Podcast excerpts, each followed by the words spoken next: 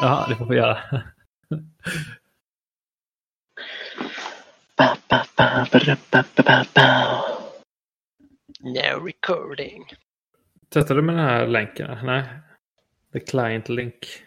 Ja, jag har fått en sån ja. Okej. Mm. Det här är ju skitcoolt om det funkar bra. Mm.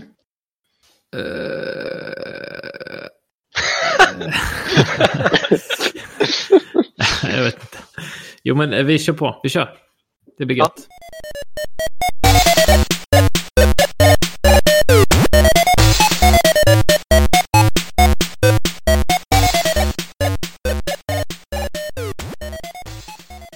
Ja, men till att börja med skulle jag säga att så här, det är första gången vi spelar in på typ ett halvår och det är i härliga coronatider så det är också första gången vi spelar in på distans så ljudkvaliteten kommer vara sämst. Men eh, välkomna till Snack Overflow. Jag heter Mattias och sitter här idag precis som vanligt med Andreas Tjena, tjena. och Pontus. Hallå, ja. Hur är läget? Och det är bra. Det är väldigt bra trots att det är lite, lite corona på stan. Mm. Men eh, jag tycker att det, det fungerar väldigt bra att sitta i karantän och jobba hemma. Väldigt behagligt. Ja, ja, jag, jag håller med. Jag sitter skönt i min, på min gamingplats med ja, en bra setup. Jag trivs ganska bra med det. Hur, hur är du Pontus? Jo, men det är bra. Eh, det är intressant att jobba så pass mycket hemifrån tycker jag. Eh, jag upplever att, eh, att jag vill videoringa folk mer än att skrivchatta till dem. Jag brukar ringa Andreas ganska mycket. Just när man inte ses hela tiden så tycker jag det är ett ganska bra sätt att och ändå hålla kontakten på de vänster. Men jag sitter också, vi har en liten lokal i vår källare i vår fastighet som är en företagslokal som inte har någon hyresgäst. Eh, så den är tom nu, det passar alldeles utmärkt nu i jobba hemma-tider. Eh, Hur funkar det? Alltså, hur mycket samarbetar ni med andra? Hur mycket, mycket sitter ni uppringda hela tiden eller? Nej, men det gör vi inte. Eh, men vi, använder, vi försökte använda ett verktyg som heter Tandem Chat. Mm. Tror jag man uttalar det. Som egentligen ska, ska kapa egentligen barriären att liksom boka in ett möte, liksom ett telefonsamtal på det sättet. Utan man ska bara kunna hoppa in i varandras vardagsrum. Det är väl marknadsföringsmässigt hur de marknadsför sig. Eh, jag tycker att det fungerar bra. Det fungerar inte så bra för, för några teamet. Uh, lite tekniska problem. Men jag gillade själva, själva tanken med verktyget. Att det var så otroligt lätt att bara att man börja snacka med varandra. Ja, det var väldigt smidigt att bara klicka på en person. Men sen var det ju lite eh, integritets... Eh, att den låg också och eh, skulle ha koll på vilken app som du körde just nu och visa alla. Så man såg så här, nu sitter Matte i VS Code eller nu sitter någon i Spotify. Den funktionen vet jag inte om den var helt nödvändig, men att, att den låg och var liksom igång hela tiden. Att jag kunde så här, om jag klickade på Andreas då började vi snacka på en gång. Det var väldigt smidigt. Ja. Vi har eh, vi kör Slack precis som alla andra, men man kan bara med ett kommando dra igång eh, Amazon Chime.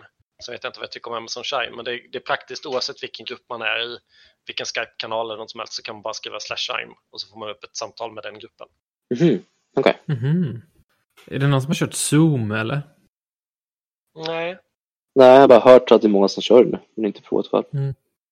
kan ju nämnas att vi kör nu över Discord och har bjudit in Craig för att tjuvlyssna på oss. Så vem vet var den här ljudfilen tar vägen just nu. Det är på väg till Kina just nu. Cool, men ska vi hoppa in i dagens ämne eller har vi mer? ja, let's do it. Ja. Ja. Eh, vi har idag bestämt oss för att snacka om Continuous Integration, Continuous Delivery, Deployment. Är det, är det Delivery eller Deployment till att börja med?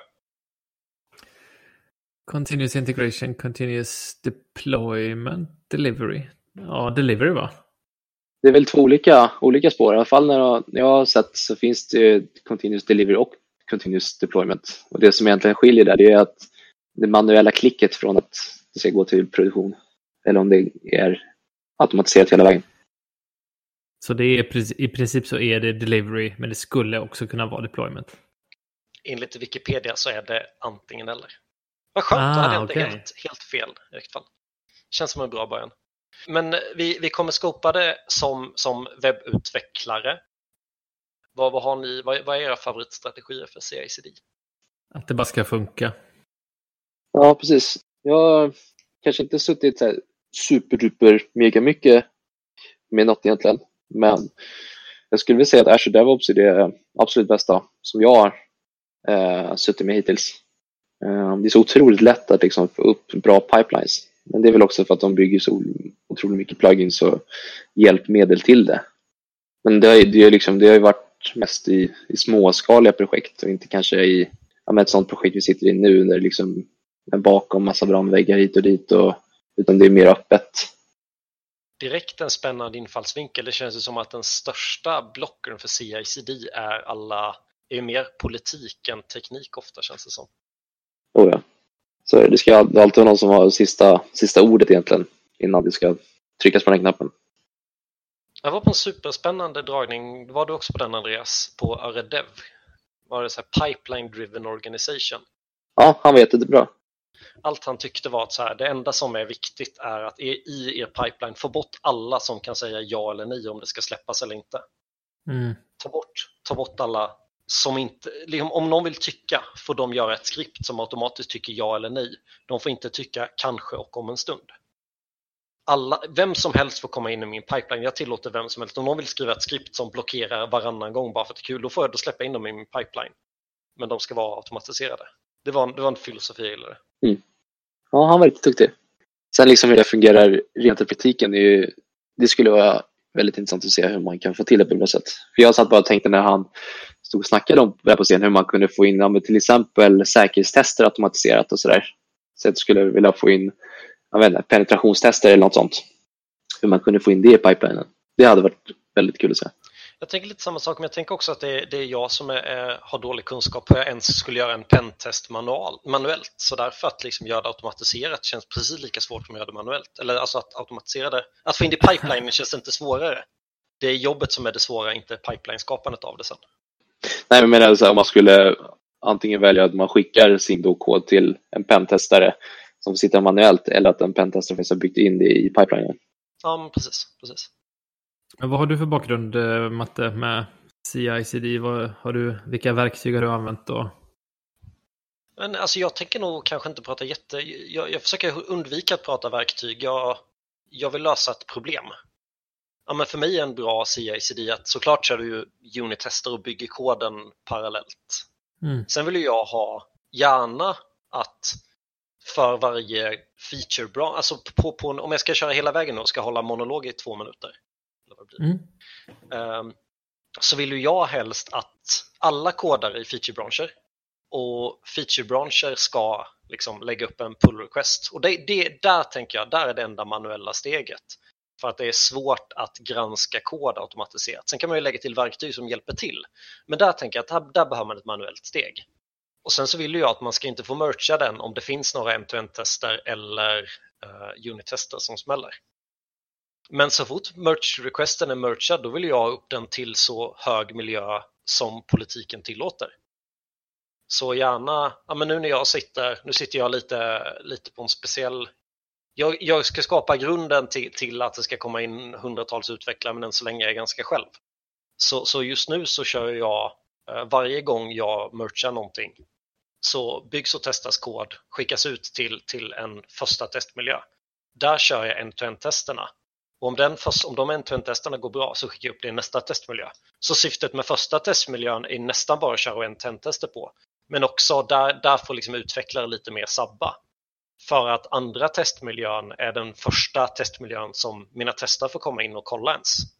De, de får inte komma in i dev-miljön utan de får först komma in i, i UAT-miljön. User Acceptance Test. Och det tycker jag känns jävligt trevligt. Då kan jag alltid sabba, eh, men de jag kan alltid sabba miljön och, och, testa ordentligt vad som händer när jag sabbar saker. Mm. Ingen testare berörs av det.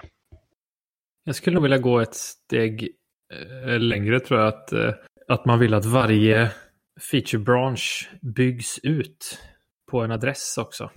Det kan bli så lång väg att gå in och kolla på någons grejer. Man vill liksom bara kunna klicka på en länk, se resultatet utan att behöva liksom checka ut den branschen, bygga lokalt och sådär. Det gör rätt stor skillnad kan jag tycka. Mm, ja, men håller med. Uh, och, och, men, men det, det är det jag menar med att jag, är lite, att jag sitter lite ensam just nu så jag har liksom inte behov av att deploya featurebranscher. Men absolut, om man, när, när, man blir många då kan man ju till och med varje, ja, men som du säger, om man deployar varje featurebransch då kan man ju nästan testa i, alltså om man, om man ändå ska ha en manuell testare, vilket Ja, vi kan ju komma till om man borde ha manuella testare eller inte sen. Men om vi antar att det finns manuella testare, då kan ju de testa redan på featurebranschen så det knappt ens är lönt att testa när man har merchat in det till master. Ja, precis. Också om du har en-to-end tester så är det väl lättare om det är faktiskt är deployat någonstans och köra dem i CICD då. Ja, eftersom att jag bara har en dev-miljö, eftersom att jag är själv än så länge, så kör jag en-to-end testande på dev-miljön. Men, men hade, man, hade jag deployat en feature-bransch så är det absolut på den man ska köra en-to-end testerna. Men hur många miljöer bör man ha då?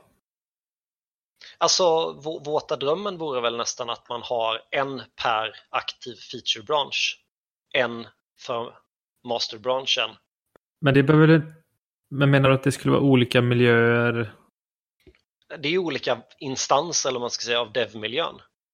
Men, men min våta dröm, det vore att så fort någonting är merchat till master, då är det redo att släppas till produktion. Ganska ofta av feature-togglat, men bara ut med det till produktion direkt. Mm. Så man kan väl ha en, så här, en för varje featurebransch, en för masterbranschen med alla feature-togglar på och en variant av masterbranschen med samma feature-togglar som i produktion. Eller en halv toggle före. Ja, ja, precis. Jag kan tycka att det, det blir lätt. Det, det, det är lite svårt där med olika miljöer. Att, alla alla featurebranscher tänker jag, de kör ju på samma miljö. Alltså dev-miljön, samma om man tänker på det i liksom lager närmre eller längre ifrån produktion. Men sen känns det som att man vill ha väldigt få miljöer för det blir lätt. Jag har varit på många ställen där det finns ganska många varianter. Eh, det kanske bara är nivåer av stabilitet egentligen, men det är klart man vill ha så produktionslikt som möjligt samtidigt. Då. Mm. Och därför tänker jag att togglar ett, istället för att ha många miljöer så har man väldigt få miljöer och, och, men olika togglar. Sen blir det kanske det jobbigt, jobbigt att hålla koll på också, för då måste man vara duktig på att städa undan sina togglar. Men jag städar ju hellre undan mina togglar än vad jag undrar vad som finns i de sju olika lagren av miljöer. Mm. Absolut. Hur mycket har ni kört med, med togglar? Jag har nästan inte kört några, någonting alls med togglar. Nej. Jag har kört lite olika det beror mycket på organisationen också kan jag tycka när man sitter. Även om man själv vill köra med tåglar så kanske det finns 17 olika miljöer som är olika stabila och oftast tycker jag man får kämpa mot olika miljöer. Speciellt när de olika miljöerna ställer väldigt olika, olika krav. Eh, jag vet, vi hade mycket på ett tidigare uppdrag problem med vissa miljöer där vi hade problem som inte var produktionsmiljöproblem. Och då är det så här, men hur mycket tid ska vi lägga på att fixa de här liksom problemen som egentligen inte, antagligen inte är ett problem på riktigt. Liksom. Mm. Eh, nu kommer jag inte ihåg vad det berodde på exakt. Om det berodde på liksom, eh, kvalitet på data eller om det var vissa tjänster i den miljön var mycket sämre. Eller... Jo, en sak hade att göra med adresser. Så att featurebranscher och sånt där var deployade under slash. Alltså inte som en topp. Eh, inte toppdomän, inte som en subdomän heller, utan som subdomänen slash branschnamnet, vilket blev jätteproblematiskt. För då var ju det hela tiden annorlunda än produktion istället för att featurebranscherna var på en subdomän då, vilket hade varit made more sense. Eh, för då blir alla relativa adresser exakt samma. Men eh, jag tänker så få, så få som möjligt eh, och gärna bara någon med liksom någon slags som har en kopia av produktionsdata som man kan testa så nära produktion som möjligt. Men hur har ni gjort det med produktionsdata till exempel? Eh, för säg att du har ett, ja, ditt system som egentligen samlar in rätt mycket data per dag. Hur ofta synkar ni ner då till nedåtliggande miljöer, feature-miljöer eller testmiljöer? Det har varit också lite olika, men varje natt har varit Vissa har varit lite ja. mer sällan. Det beror ju på är det, liksom, är det bara massa personnummer och den typen av information, då kan det ju också vara problematiskt för att man inte man måste maskera eh, datat. Liksom. Eh, eller generera det. Och så har man tester som man vill köra i den miljön och då måste man ändå veta. Eh, men då har jag sett olika strategier för att man liksom, i vissa fall att man innan testerna skapar upp all data som man behöver. Till exempel om man kör en till tester eh, Om man har möjlighet att göra det så är det ju väldigt smidigt. Mm. Men det är ju inte lite samma sak där. Du, du frågar Andreas hur ofta har ni hämtat hem testdata och det är väl lite samma sak där, att man, man får ganska sällan ny testdata upplever jag för att det är någon som behöver göra något manuellt. Det är också en sak man skulle vilja bygga in i sina pipelines. Om vi, om vi ska drömma vår perfekta CICD så är ju en, en pipeline man vill ha är nattliga hemsynkningen av data. Mm. För det tycker jag man kan liksom stöta på rätt ofta, att man får just de bugg, buggarna som egentligen är på datat man har i test och i produktion. Att det skiljer sig så mycket. Det bästa tycker jag skulle vara om man kan, om man kör med containers och sen compose-fil, så då kan varje, eh, varje feature branch skapa en helt egen miljö som är inte beroende av någon annan utan att så man slipper de här alla beroendena på vi hade mycket tester till exempel som när man skapade eller tog bort eh, användare eller olika vad heter det när man, eh, ja, nu tappar jag ordet.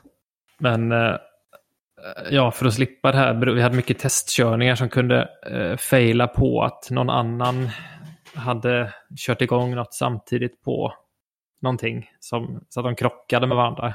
Och allt sånt där som gör att det tar längre tid, man måste switcha fram och tillbaks kontext det känns som att det kostar väldigt mycket. Det bästa är om man, om man kan pusha och så kan man få notiser på olika sätt om det gick bra eller dåligt genom att integrera mot eh, vilken chattapp man nu använder eller något sånt där.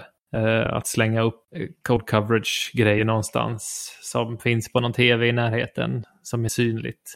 Eh, kanske även att liksom ha lite metrics på hur stor är banden just nu? Vad får det för liksom laddtidsskillnad?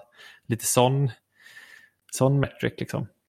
Vi körde när jag var på att komma hem så körde vi också att efter deploy så gick vi först, eh, värmde upp cacherna och sen körde ett test mot sajten för att se, alltså med, eh, vad heter Googles Lantern? Nej, vad heter det? Lighthouse. Ja, ja, Lighthouse. Bara snabbt för att liksom ha och spara undan dem lite metrics på vad har vi för laddtid just nu? Hur påverkade den här deployen liksom? Så vissa grejer vill man ju ha innan deploy och vissa grejer kanske man vill ha efter. Så länge man kan rulla tillbaks så är det ju kanske okej. Okay. Ja, det är ju, den, den är också rolig. Hur mycket, du, du är lite inne på vilka saker ska man ha som githooks. Du får inte ens pusha eller committa om det här inte funkar. Och vissa, vad ska man upptäcka direkt och sådär. Jag, jag har ofta tyckt att de som har börjat med uh, githooks har ofta alldeles för långa githooks, vilket gör att jag vill inte vänta på att pusha 20 sekunder för det stör mitt flöde. Om man inte kan köra githooken på 5 sekunder så kan man inte köra den. Tycker jag nästan. Om jag behöver kontext-switcha lite bara för att vänta på min push, då kan jag lika väl kontext-switcha stort och få svaret, få feedback om tre minuter istället. Ja, det beror på kan jag tycka, eh, vad det kostar. Det kan ju kosta mycket mm. att få pusha in eh, icke-fungerande kod.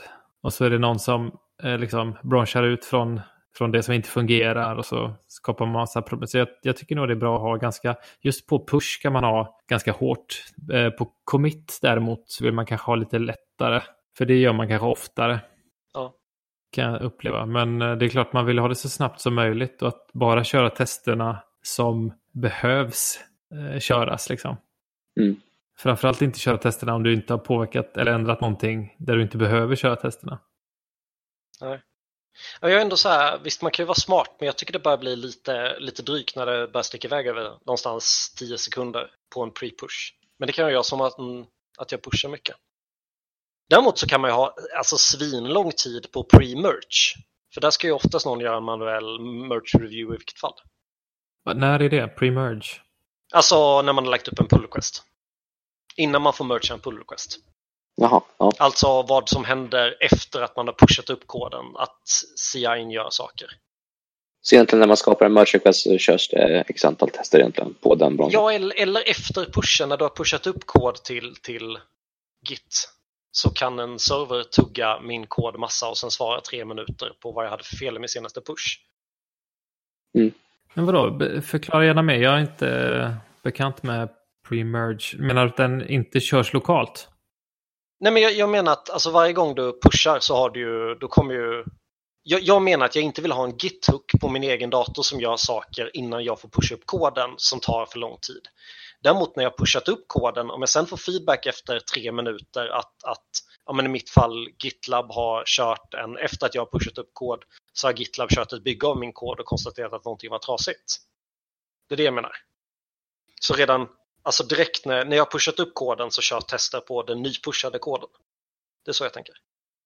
Ja, precis. Ja, jo, men jag är med. Men jag, jag tror det beror, det beror kanske på vilket, eh, alltså på hur man, hur man, eh, hur man jobbar runt det, tänker jag. Eh, jag är ganska, om man, att varje utvecklare eller varje team eller varje, vad det nu kan vara, om man är ett eh, kodpar eller en grupp, kör på en egen eh, featurebransch på en maskin, då får man ju sällan några problem med att flera ska komma åt samma kod och då gör det kanske ingenting att man pushar upp någonting som egentligen inte funkar. Men om man inte har det så, då vill man ju absolut inte få upp någonting som pajar någonting. Det har jag upplevt flera gånger när någon har inte installerat så att githookarna körs inte så att de kan pusha upp grejer som failar, liksom, om det är lint eller test eller det spelar inte så stor roll.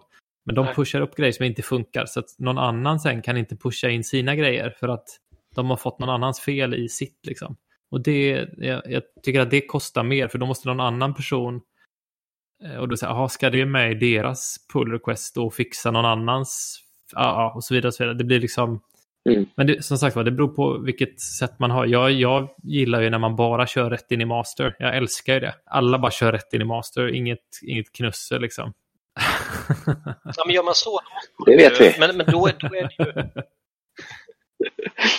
Då vill man ju verkligen ha saker innan man pushar. Jag tänker lite, min förutsättning är nog lite att man är väldigt få i samma featurebransch. Mm. Och då är det nästan hellre så här, om, om, om jag och ett team på fem personer bygger något lite större där vi skapar en featurebransch som vi vet kommer leva i så länge som två veckor. Jag tycker generellt mm. att en featurebransch inte borde leva mer än tre dagar ungefär. Mm, mm. Nu höftar jag såklart. Men om, om säger att man ska göra något stort tillsammans och ska ha en featurebransch som lever två veckor, då skulle jag nästan skapa en featurebransch från den featurebranschen. Och då vill jag inte, om jag, om jag drar ett sidospår från vår featurebransch, då vill jag inte att det ska ta tid att pusha upp i mitt sidospår. Uh, men jag vill inte mercha in mitt sidospår i vår gemensamma featurebransch utan att ha kört massa grejer. Det är nog mm. därför vi tycker lite olika, för att vi ser lite olika på hur många och hur länge en featurebransch ska leva. Ja, precis. Ja, kanske. Jag vet inte hur vi, vi har inte det nu, men eh, jag har kört en del typ eh, Circle CI på GitHub till exempel. Då får man det automatiskt att har man satt upp någonting så körs ju alla tester på branscherna. Det är ju, det är ju toppen, så man har det klart liksom. Och synligt. Ja, och då har ju de kört på den senast pushade koden. Ja, exakt. exakt. Och, och det, är, det är precis det jag menar. Det är precis det jag vill åt. Just det. Mm. Så eh, jag kommer behöva dra alldeles strax. Ska vi försöka sammanfatta vad vi sagt eller vill ni fortsätta? Jag tror ni kan fortsätta. Jag vet inte om vi kommer åt eh, ljud... Ja, just det. Fan. Okay. Nej, den är nog kopplad till dig. Ska vi försöka det... sammanfatta vad vi har då? Vad har vi sagt? Ja. Det ska du bara funka. det ska bara funka. Ja, men, ja, i den bästa världen ska det bara funka. Men nu, många av de här olika leverantörerna går ju liksom, är ju ganska nära varandra också i hur man kan konfigurera liksom. Eh, till skillnad från kanske Team City som är hemskt att konfigurera. Och eh, också Jenkins kan vara lite jobbigare om man inte använder typ en Jenkins-file eller någonting. Men gör man det eller använder YAML och får grejerna att liksom byggas och köras i containrar så är, underlättar det ju otroligt mycket. Ja, men jag tycker vi lever, alltså, jag förstår att man kan prata verktyg, men jag tycker nästan, verktyg, nästan alla verktyg är så bra nu att det är inte verktyget som är problemet. Det är inte vi som kodare som sätter stoppet längre. Utan, eller det, det är inte verktyget som sätter stoppet, det är strategin vi väljer som begränsar hur duktig, hur bra vår CICD blir. Ja, kanske, men det kan... Ja, jag vet inte. Jag, jag, tycker att det kan underlätta i alla fall. Vi kör ju till exempel GitLab för koden, men vi kör inte GitLab för CICD. Eh, men i den mån man kan göra det så är det mycket lättare för att det, man kan se varje liksom push, varje hur, hur de har byggt och hur de har liksom, om testerna funkade på den oavsett bra, man får liksom allting ihopkopplat på ett väldigt smidigt sätt. Ja. Eh, och det kan vara, finnas fördelar med det. Eh, också för att man ligger på samma miljö till exempel. Eh, om man sitter i en organisation med väldigt mycket olika miljöer. ja. Men det var väl också den, den andra saken vi faktiskt sa, att vi tycker det är dåligt med många miljöer. Ju färre ju bättre. Eller så här, gärna många feature-branscher på samma, gärna många instanser av samma miljö, men få miljöer. Helst bara typ dev och prod.